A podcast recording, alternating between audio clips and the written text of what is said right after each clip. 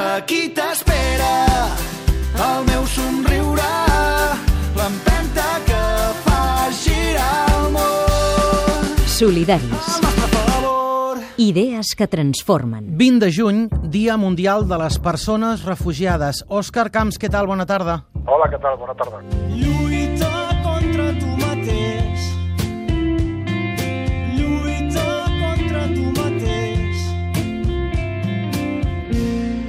parlar-vos d'un silenci. El director fundador de Proactiva Open Arms.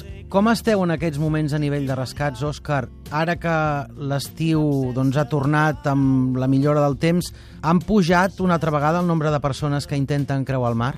Per la banda del Mediterrani estan pujant, lògicament, pel bon temps Mm. i pel bon estat de la mar que amb aquestes dates acostuma a, a, a haver-hi. Sí. És cert que aquest any, també durant, durant la, la primavera, el nombre de, de rescats ha sigut més alt que també en Mm. comparació a anys anteriors. Mm.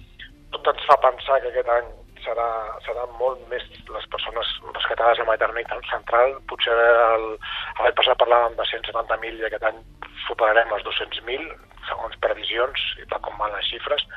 El que s'està multiplicant també és la xifra de morts, la xifra oficial, que és diferent a la real, eh, ja, ja està augmentant i pel que fa a Grècia, doncs també una miqueta han pujat les arribades eh, i el nombre de morts està, està tancat en 37, 30, Ah, 37 víctimes? amb el que portem d'any a l'Egeu i, i bueno, més de 2.000 al Mediterrani central, pràcticament la xifra oficial em penso que és 1.900 i pico. Quan dius Mediterrani Central vols dir costes de Líbia, Itàlia, etc?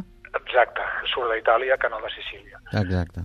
I tenim el Mediterrani, eh, bueno, tenim la, la banda espanyola, la frontera sud espanyola, doncs que també eh, actualment està rebent moltíssimes arribades. Penso que entre, entre 400 i 500 persones han arribat a, a les últimes hores. No?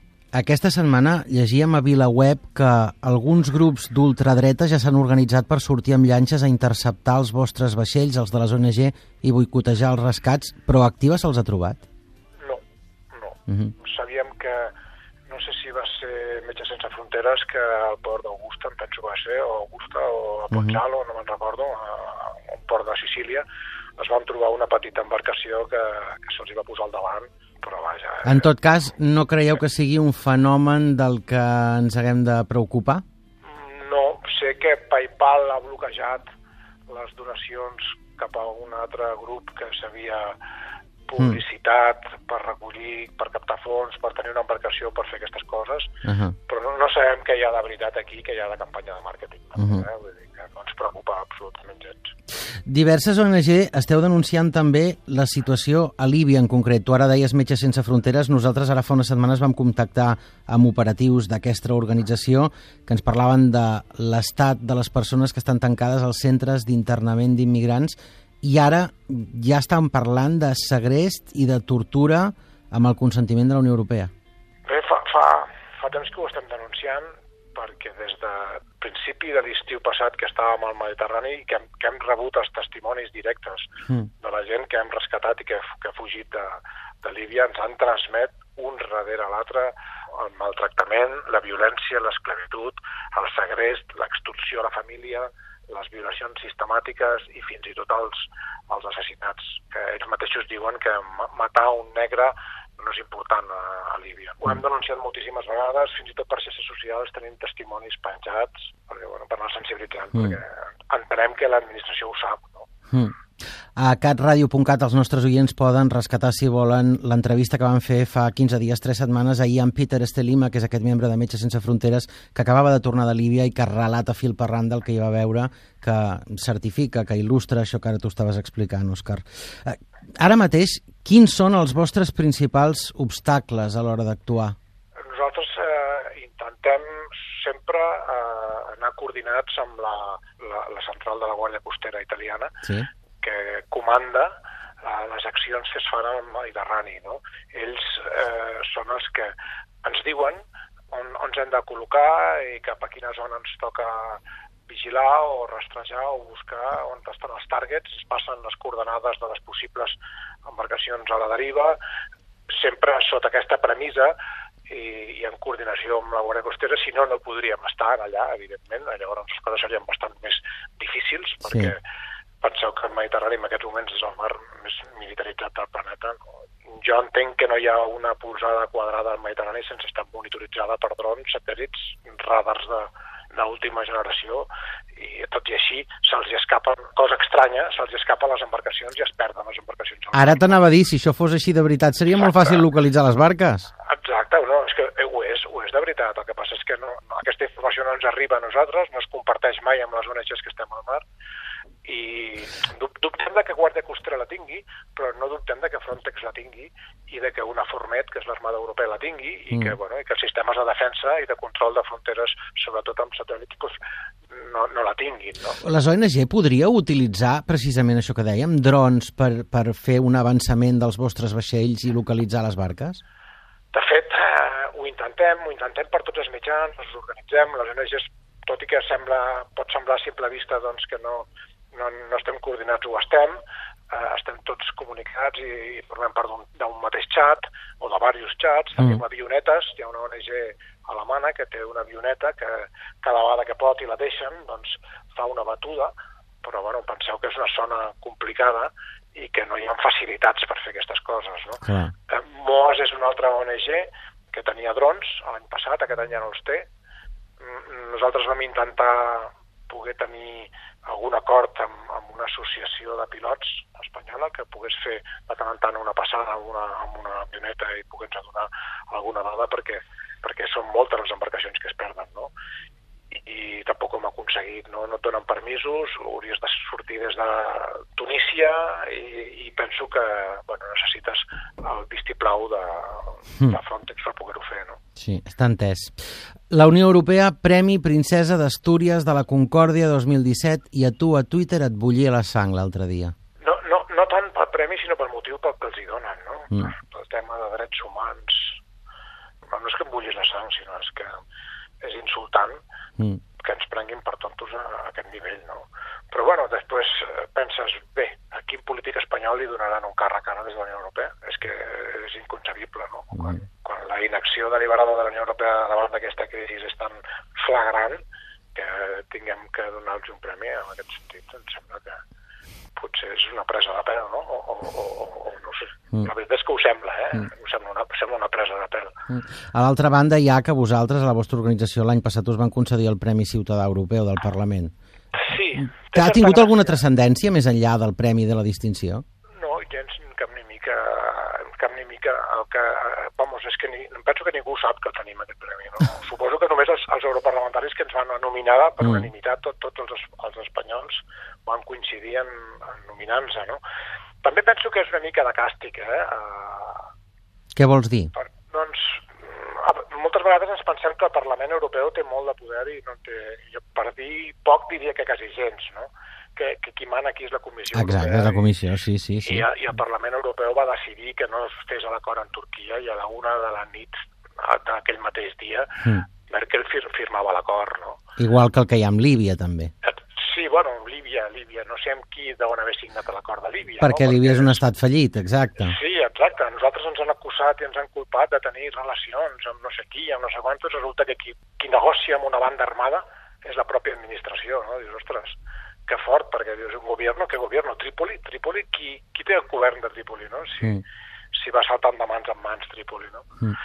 I, clar, fa pensar tot plegat que, bueno, que utilitzen escandalosament eh, etiquetes i, i molt tendencioses, no?, per fer-nos creure situacions, no?, perquè, I el... nosaltres també trobem molts guardacostes al mar, saps? Uns poden ser bons i els altres també, i els altres també, no? Depenent de quin, de quin, d'on vinguin, no? Perquè, clar, cada ciutat té un grup armat que controla una ciutat.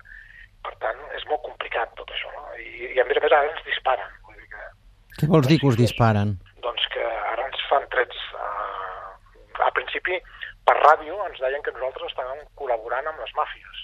No? Ens ho diuen per ràdio, però com seguim fent la nostra feina amb aigües internacionals, doncs, de tant en tant ens fan trets a l'aire, dissuasoris o intimidatoris perquè no, perquè no intervenguim o perquè ens aturem, però bueno, que, el, to va pujant. De portes endins a la Unió Europea, al setembre acaba el termini de dos anys dins dels quals s'havien de reubicar les aproximadament 160.000 persones refugiades, 17.000 de les quals, ho hem explicat moltes vegades, havien d'arribar a l'estat espanyol.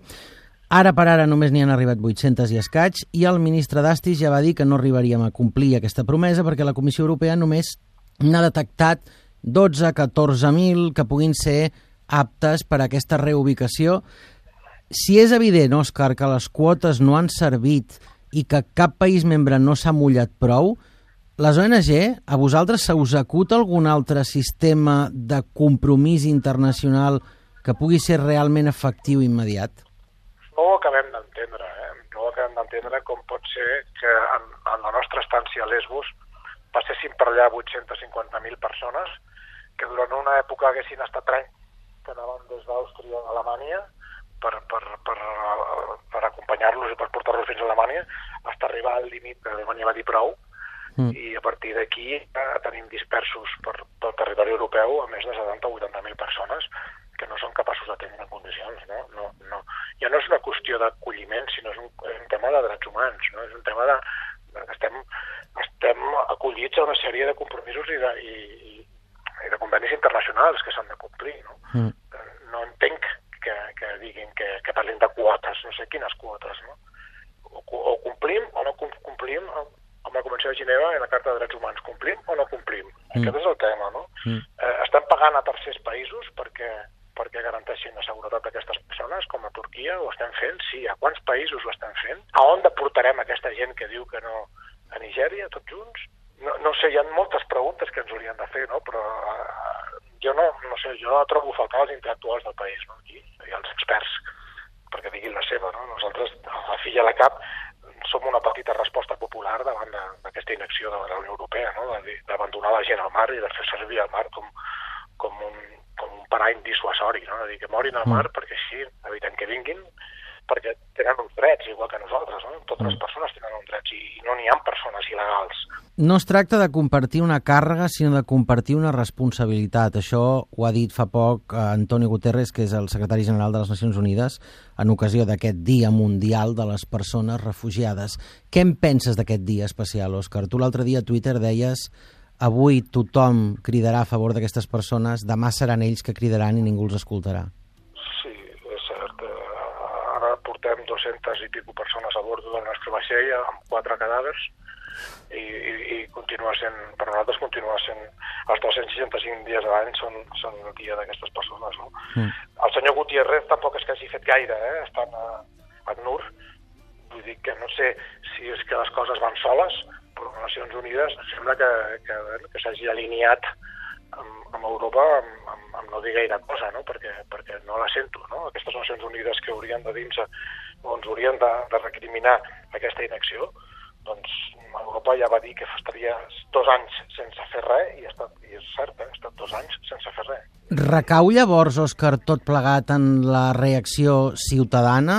És a dir, a Catalunya hi ha, hi ha les xarxes il.cat, que ara aquests dies està reactivant les seves campanyes de conscienciació. Fa quatre dies la gent de Casa Nostra, Casa Vostra va tornar a sortir eh, als mitjans per recordar que no n'hi havia hagut prou amb aquella manifestació que vam fer el dia 18 de febrer, que vam omplir Barcelona. Per tant, és cosa de nostra dels ciutadans en vistes de la inoperància de les, de les autoritats? que polítics estan per servir al poble, no al revés, eh? El que passa és que si el poble no, no es mobilitza, si el poble no diu la seva, doncs els polítics es aniran fent. I l'important és doncs, que, que el poble doncs, que conegui el que està passant, que és el més important. I aquí tenen molt a veure els mitjans de comunicació perquè si, si la gent sap el que passa, s'indigna, s'indigna igual que ens indignem nosaltres i, mm. i, i demanarà una resposta. Mm. Però, evidentment, que si ho tapem i si parlem d'altres coses, doncs on és el Golfo Azzurro en aquests moments? Està arribant, està arribant a Sicília per deixar quasi 300 persones. Uh -huh. Quants rescats feu al cap de la setmana? Ha setmanes que 500, hi ha setmanes que 300, hi ha setmanes que hem fet 1.200. Quina és la planificació per aquest estiu, Òscar? La, la nostra és poder tenir dues embarcacions al, al mar. Tenia l'Open Arms, que és un vaixell que ens van donar, que l'hem estat remodelant els últims 5 mesos, 6 mesos, que sortirà diumenge cap a Malta i cap a la zona SAR. Vols dir demà?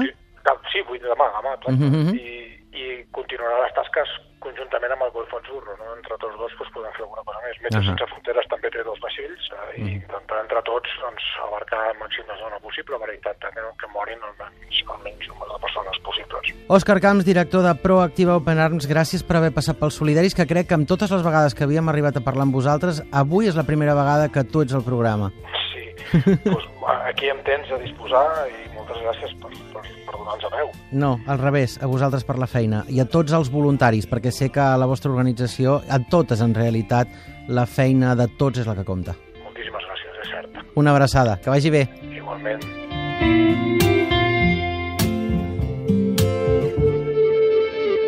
I segons dades dels organismes internacionals, més de 65 milions de persones han hagut de marxar forçadament de casa seva per culpa de guerres i de conflictes. I més de la meitat són menors d'edat, nens i nenes.